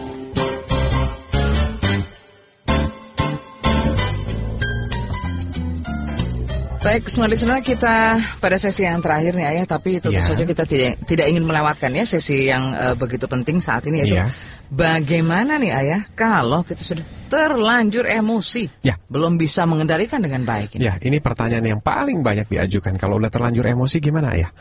Yang pertama, kalau kita sudah terlanjur, maka segeralah menghindar. Nah, kalau bisa menghindar, jadi menghindar ini adalah sal- salah satu teknik, walaupun ini bukan teknik yang terbaik ya. Iya. Menghindar untuk sementara uh, sampai terjadi proses pelepasan. Karena mekanismenya itu biasanya kalau kita menghindar akan terjadi proses pelepasan. Jadi kalau misalnya Mbak Nancy ini lagi emosi, lebih baik pergi ke tempat lain. Ini Menga- dulu ya, ambil Ah, waktu ambil sejenak waktu gitu ya. atau mengerjakan hal lain nanti akan lupa atau rilis. Nah ini variasi waktunya berbeda-beda. Ada yang setengah jam, ada yang satu jam, ada yang dua jam, ada yang sampai sehari. Nah kemudian teknik kedua adalah menyalurkan emosi. Nah ini tergantung tipe kita nih. Kalau misalnya tipe kita misalnya rame, ya lebih baik salurkan lewat curhat. Cari Ya. orang yang tepat ya untuk Iya. diajak ngobrol. Ya, jadi curhat itu adalah salah satu proses releasing yang sangat bagus untuk tipe sanguin, misalnya orang yang suka bicara Mhm. atau terbuka atau verbal. Kalau yang koleris biasanya itu eh, lebih baik misalnya pergi ke satu tempat dia teriak begitu. Diluapkan dulu Diluapkan, ya emosi. iya. Dikeluarkan teriak begitu. Nah, kalau yang melankolis menangis. Jadi, jangan dipendam. Jangan nangis, dipendam. nangis aja Nangis ya. itu normal, alami, bagus. Itu mengeluarkan racun-racun emosi itu Hmm. malah. Nah kalau yang flekmatis itu biasanya ya pergi. Ya yang menghindar ini biasanya tipe-tipe flekmatis. Pragmatis ya. Ya. Nah tapi tipe lain pun bisa melakukan proses penghindaran. Mhm. Nah kemudian uh, yang lebih bagus dari semua itu adalah mengendalikan. Mhm. Jadi mengendalikan itu jadi kita nggak harus pergi ke tempat lain ya. Betul, banyak caranya ya. Ya, bagaimana sih cara mengendalikannya? Jadi, eh, tekniknya adalah kalau misalnya kita sedang emosi, emosinya itu berdiri, segeralah duduk. Kalau duduk masih juga emosi, maka cari tempat untuk berbaring, pergi ke kamar berbaring. Kalau misalnya berbaring itu juga masih emosi, maka cuci muka. Mhm. Cuci muka. Jadi kalau dalam salah satu ajaran agama tertentu itu berwudu. Hmm. Nah, kemudian kalau untuk yang muslim mungkin bisa eh, itu kalau masih emosi sholat. Ya. Nah, tapi kalau yang misalnya kita non muslim, pengganti sholat itu adalah mandi. Mhm. Mandi, mandi pakai air yang sejuk. Oke, mandi kalau enggak meditasi boleh ya? ya? Iya, meditasi juga bisa. Mhm. Jadi kalau yang terbiasa meditasi, meditasi itu cepat sekali itu mbak. Meditasi itu paling cepat itu. Tapi kalau tidak, ya, sholat atau mandi. Nah ini sudah eh, beberapa orang mempraktikkan Jadi betul sekali. adem lah ya, Ah, jadi dingin lah. Mandi. Jadi mandi itu sampai keluar keluar itu rilis. Kalau belum rilis, jangan keluar dulu, mandi dulu, siram dulu sampai sejuk. Mandi ya sampai Iya, tapi sejuk. cepat sekali itu pakai eh, apa eh, proses mandi itu. Mhm. Jadi itu adalah teknik-teknik yang eh, kita gunakan kalau sudah terlanjur. Saya kalau ditanya ayah Edi pakai yang mana nih? Nah biasanya saya pakai penghindaran. Misalnya saya ada konflik dengan istri ya, karena wajar sekali suami istri itu dalam kapasitas yang berbeda, cara berpikir yang berbeda akan terjadi konflik. Pada saat konflik saya akan menghindari dulu, Mhm. menghindari baru kembali. Ya. Nah pada saat menghindar saya melakukan review seperti yang dilakukan Dr. Arun Gandhi. Ini cara berpikir saya mana nih yang salah nih? Oh. Jadi begitu pulang-pulang udah bener, udah senyum lagi, udah ngobrol lagi. Udah lebih enak lah, lebih nyaman Iya, ya. eh, jadi proses manusiawi saya sudah terlampaui, tapi proses kontrol saya berlangsung. Betul. Nah. Nah, berikut ini ada satu ilustrasi yang luar biasa nih Ya, Ayah. ya. Kita coba gunakan ya untuk merenung eh, sejenak. Nah ini tekniknya ya Mbak ya. Dokter Arun Gandhi. Iya, betul. Seperti apa sih cara beliau ya? Cara beliau ini cara mendidik tanpa kekerasan. Ya. Kita coba renungkan bersama. Iya. Kita simak sama-sama. Pada suatu hari, Dr. Arun Gandhi, yakni cucu mendiang Mahatma Gandhi, pernah menceritakan satu kisah dalam hidupnya yang sungguh-sungguh mengesankan. Beliau mengatakan begini, Kala itu usia saya kira-kira masih 16 tahunan, dan saya tinggal bersama kedua orang tua saya di sebuah lembaga yang didirikan oleh kakek saya, Mahatma Gandhi.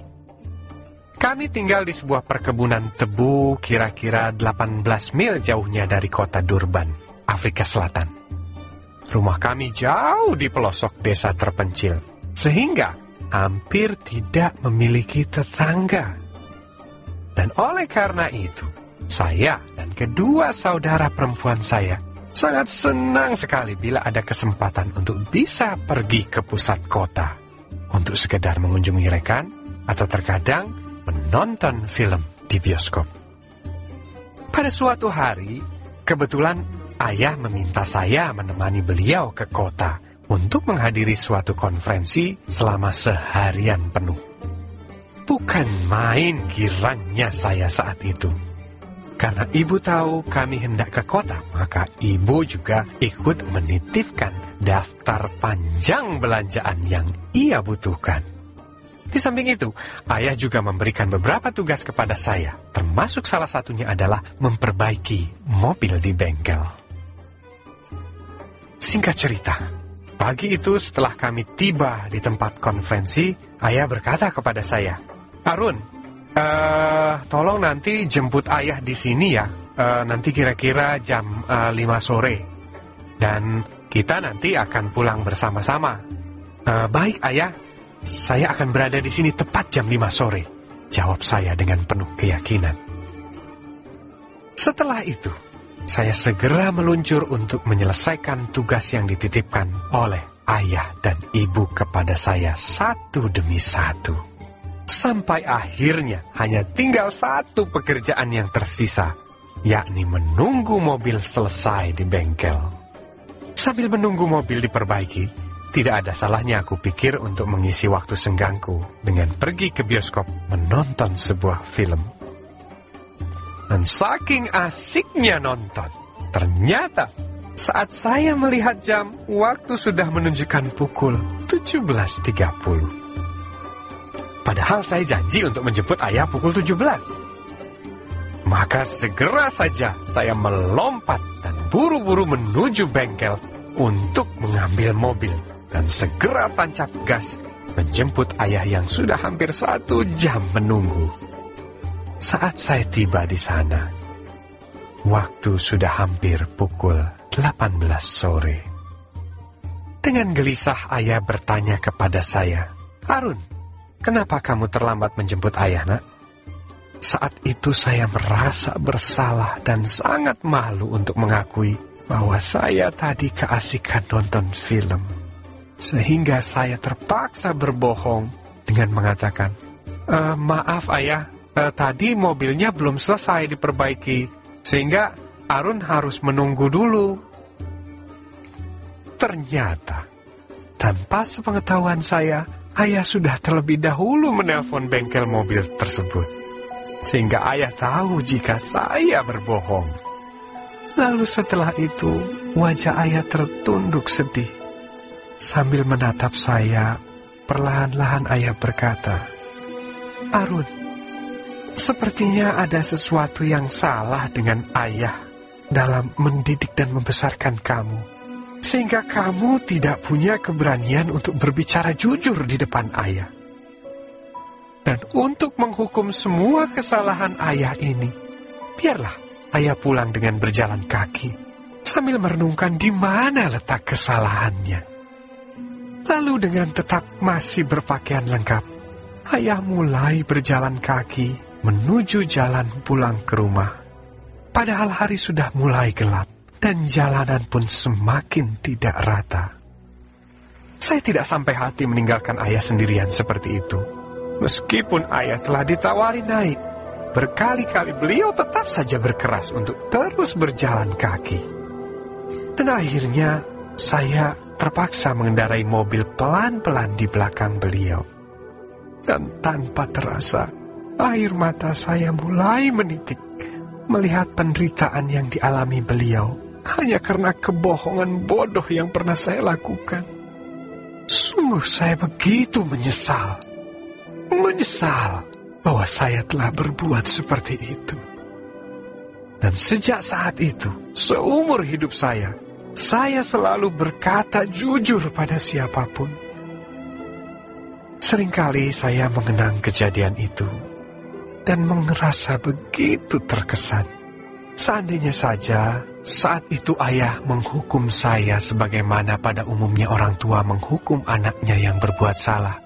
Kemungkinan saya akan menderita atas hukuman itu dan mungkin hanya sedikit saja menyadari kesalahan saya. Tapi dengan satu tindakan mengevaluasi diri yang dilakukan oleh ayah, meskipun tanpa kekerasan, justru telah memiliki kekuatan yang luar biasa untuk bisa mengubah diri saya sepenuhnya. Saya selalu mengingat kejadian itu seolah-olah seperti baru terjadi kemarin.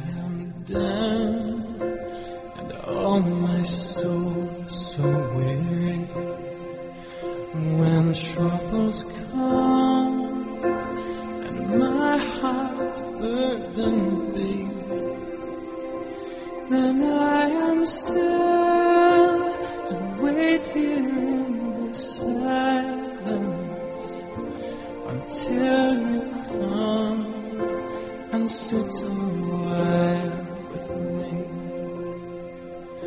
You raise me up so I can stand on mountains. You raise me up to walk on stormy seas. I am strong.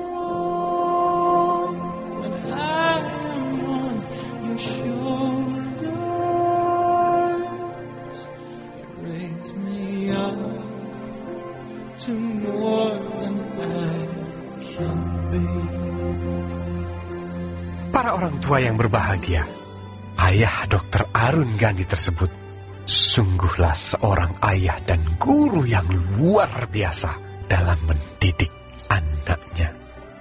Sebuah kisah emas untuk kita para orang tua dalam mendidik dan membesarkan anak-anak kita. Kisah ini begitu menginspirasi saya secara pribadi untuk selalu mengevaluasi diri manakala anak-anak tercinta saya mulai menunjukkan perilaku yang kurang terpuji. Ya, saya selalu membiasakan diri untuk selalu bertanya, apa yang salah dari saya? Mengapa anak saya kok bisa seperti ini? Semoga, semoga kisah ini juga bisa menginspirasi setiap orang tua agar kita bisa mendidik anak-anak kita menjadi orang besar dan luar biasa sekali bermahatma Gandhi. Mahatma Gandhi, sang pejuang dan pendidik tanpa kekerasan.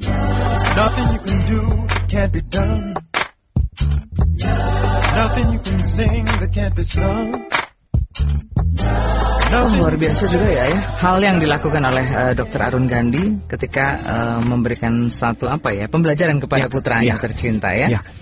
Saya mempraktekannya, mudah-mudahan smart listener dan eh, Bapak Ibu guru juga bersedia untuk melatih dan mempraktekannya. Pasti berhasil.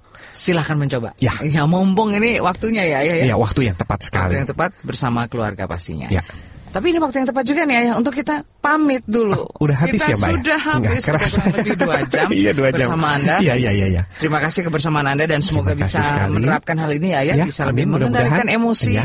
sehingga kita bisa mengelola emosi ini dan juga memberikan akhirnya pendidikan yang baik pada Betul anak. sekali. Saat Itu harapannya, dengan hati. pastinya, ya. Tapi jangan lupa minggu depan kita akan hadir lagi untuk Hari Minggu malam juga ada ya? Topik yang menarik. Dan pastikan juga eh, Anda bisa mendengarkan siaran ulangnya setiap minggu malam jam 7 sampai jam 9. Terima kasih banyak kebersamaan Anda di seluruh jaringan Smart FM Network. Kita pamit dulu. Ya, terima kasih. Saya Nancy Mokoginta. Saya Edi. Let's, Let's make, make Indonesia Indonesian strong from home. Telah Anda ikuti Indonesian Strong from Home bersama Ayah Edi.